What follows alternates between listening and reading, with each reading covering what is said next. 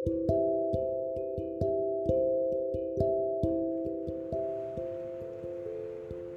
rasanya sulit ya untuk mengungkapkan ini dalam kata-kata?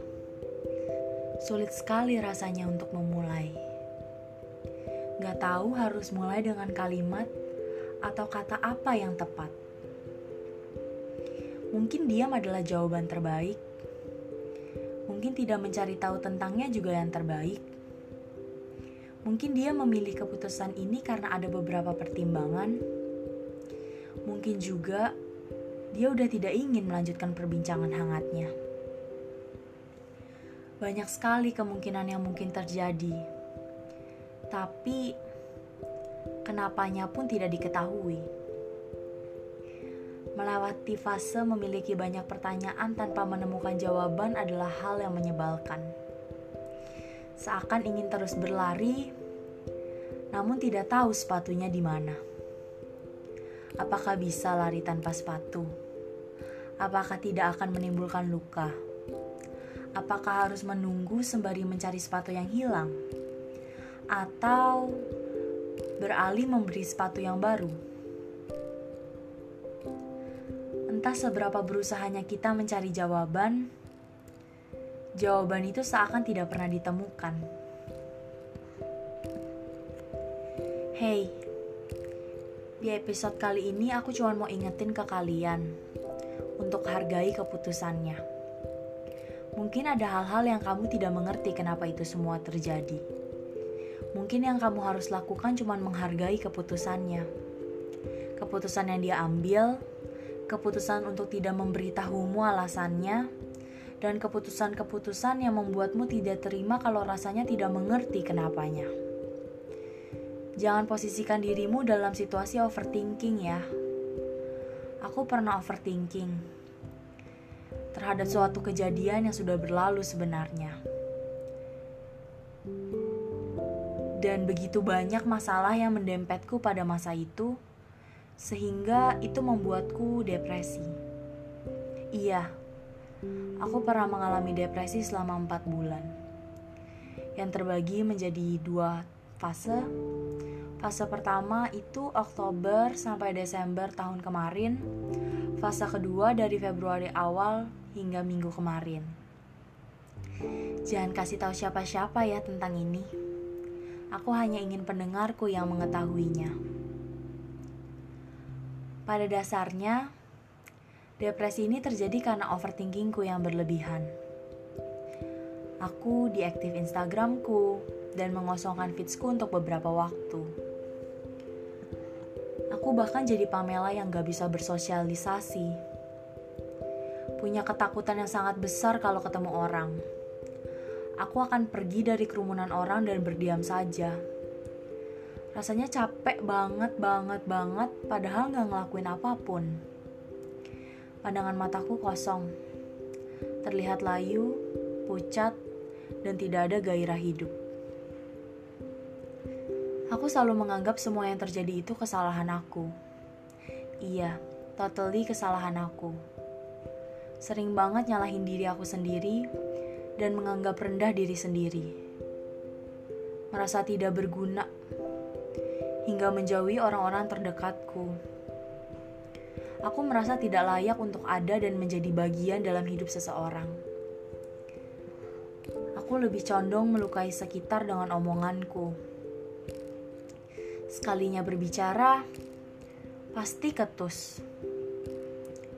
Aku jadi tidak dapat berpikir positif. Banyak mengeluh, hal-hal yang sebenarnya biasa saja kalau dilihat sekarang. Mudah marah, terlalu memikirkan omongan lain, dan berpikiran sempit. Pada saat itu, Rasanya menangis tiap malam adalah hal yang wajar. Rasanya menangis di pagi hari juga hal yang wajar. Aku beberapa kali meminta bantuan ke beberapa orang, walau secara tidak langsung.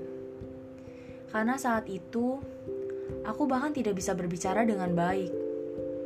Aku menghindari terlalu lama dekat dengan orang-orang. Aku mungkin terlihat baik-baik saja, iya, karena aku memang selalu mencoba untuk terlihat baik-baik saja. Tapi ketika aku ngobrol dengan orang, sesungguhnya aku tidak tahu apa yang aku omongi.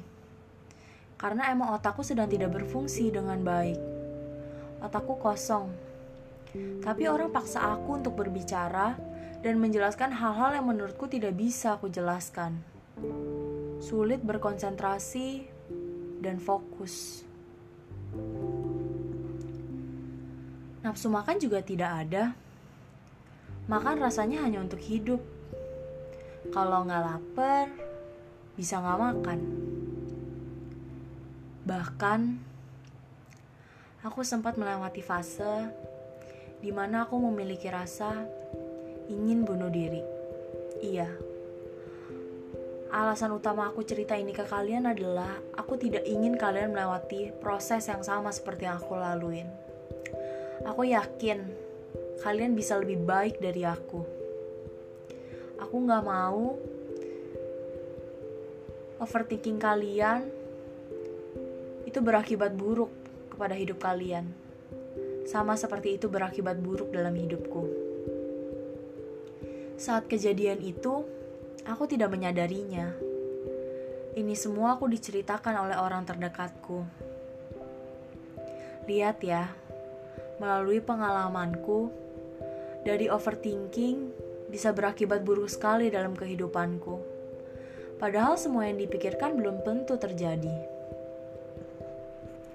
Di kepala aku banyak banget pertanyaan.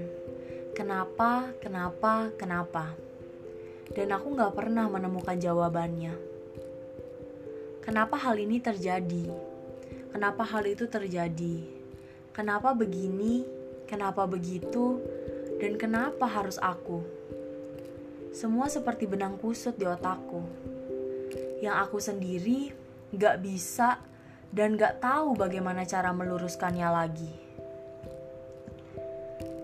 Sampai akhirnya minggu kemarin, aku mempelajari hal ini. Aku mempelajari tidak semua hal harus ku ketahui jawabannya.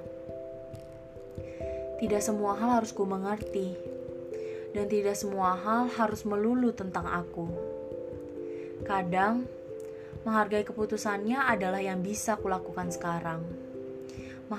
Menghargai keputusan yang setiap orang ambil, menghargai keputusan orang yang telah meninggalkan kita, menghargai keputusan orang yang melukai kita, menghargai keputusan kalau Tuhan ternyata ingin mengambil orang yang sangat berdampak dalam hidup kita. Dalam fase depresi ini juga, Tuhan memanggil kakak rohaniku, kakak angkatku, kakak yang sangat berperan penting dalam hidupku. Awalnya aku marah, sungguh sangat amat marah, tapi juga sekaligus sedih. Aku bahkan belum sempat bertemu dengannya untuk yang terakhir. Kakakku sudah beberapa kali mengajakku bertemu, namun aku belum sempat meluangkan waktu untuknya.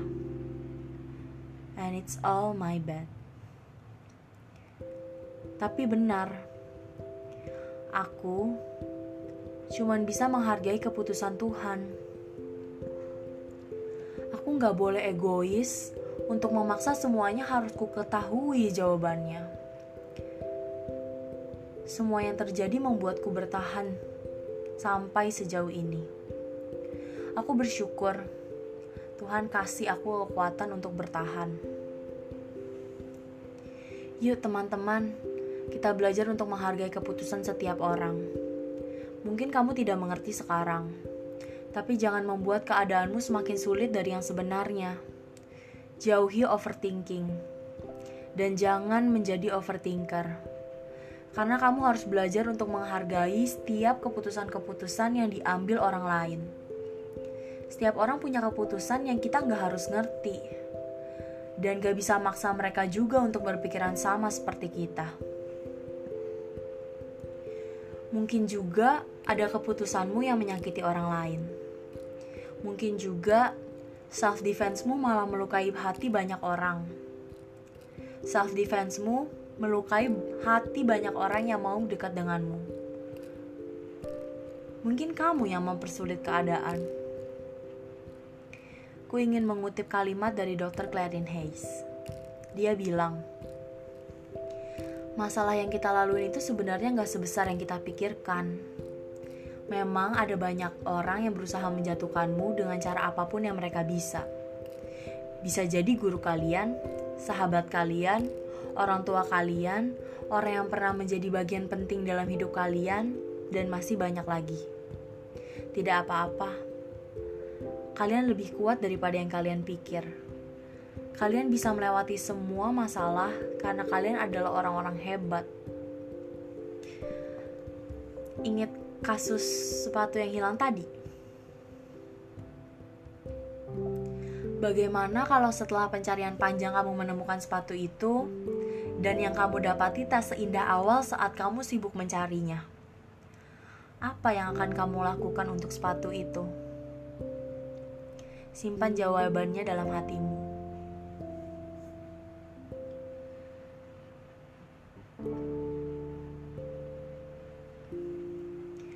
Banyak hal-hal indah yang kalian lewatkan hanya karena memikirkan dia yang tidak memberikan penjelasan kepadamu. Aku harap gak ada hal baik berikutnya yang kalian lewatkan ya. Keep moving forward. Coba keluar dari zona nyamanmu. Jangan terus berdiam diri di sana. Kalau kamu mulai merasa tak nyaman di zona nyamanmu sendiri, kenapa harus terus bertahan? Keluar dari zona nyaman tak selamanya buruk kok. Mencoba hal-hal baru juga salah satu hal baik yang dapat membuatmu maju. Karena kehidupan tidak melulu tentang dia, bukan? masih ada keluarga, teman-teman, kerabat dekat yang ingin sekali melihat ketulusan senyummu. Akhir kata, yuk sama-sama ucapkan kalimat ini dan tanamkan dalam hati kita.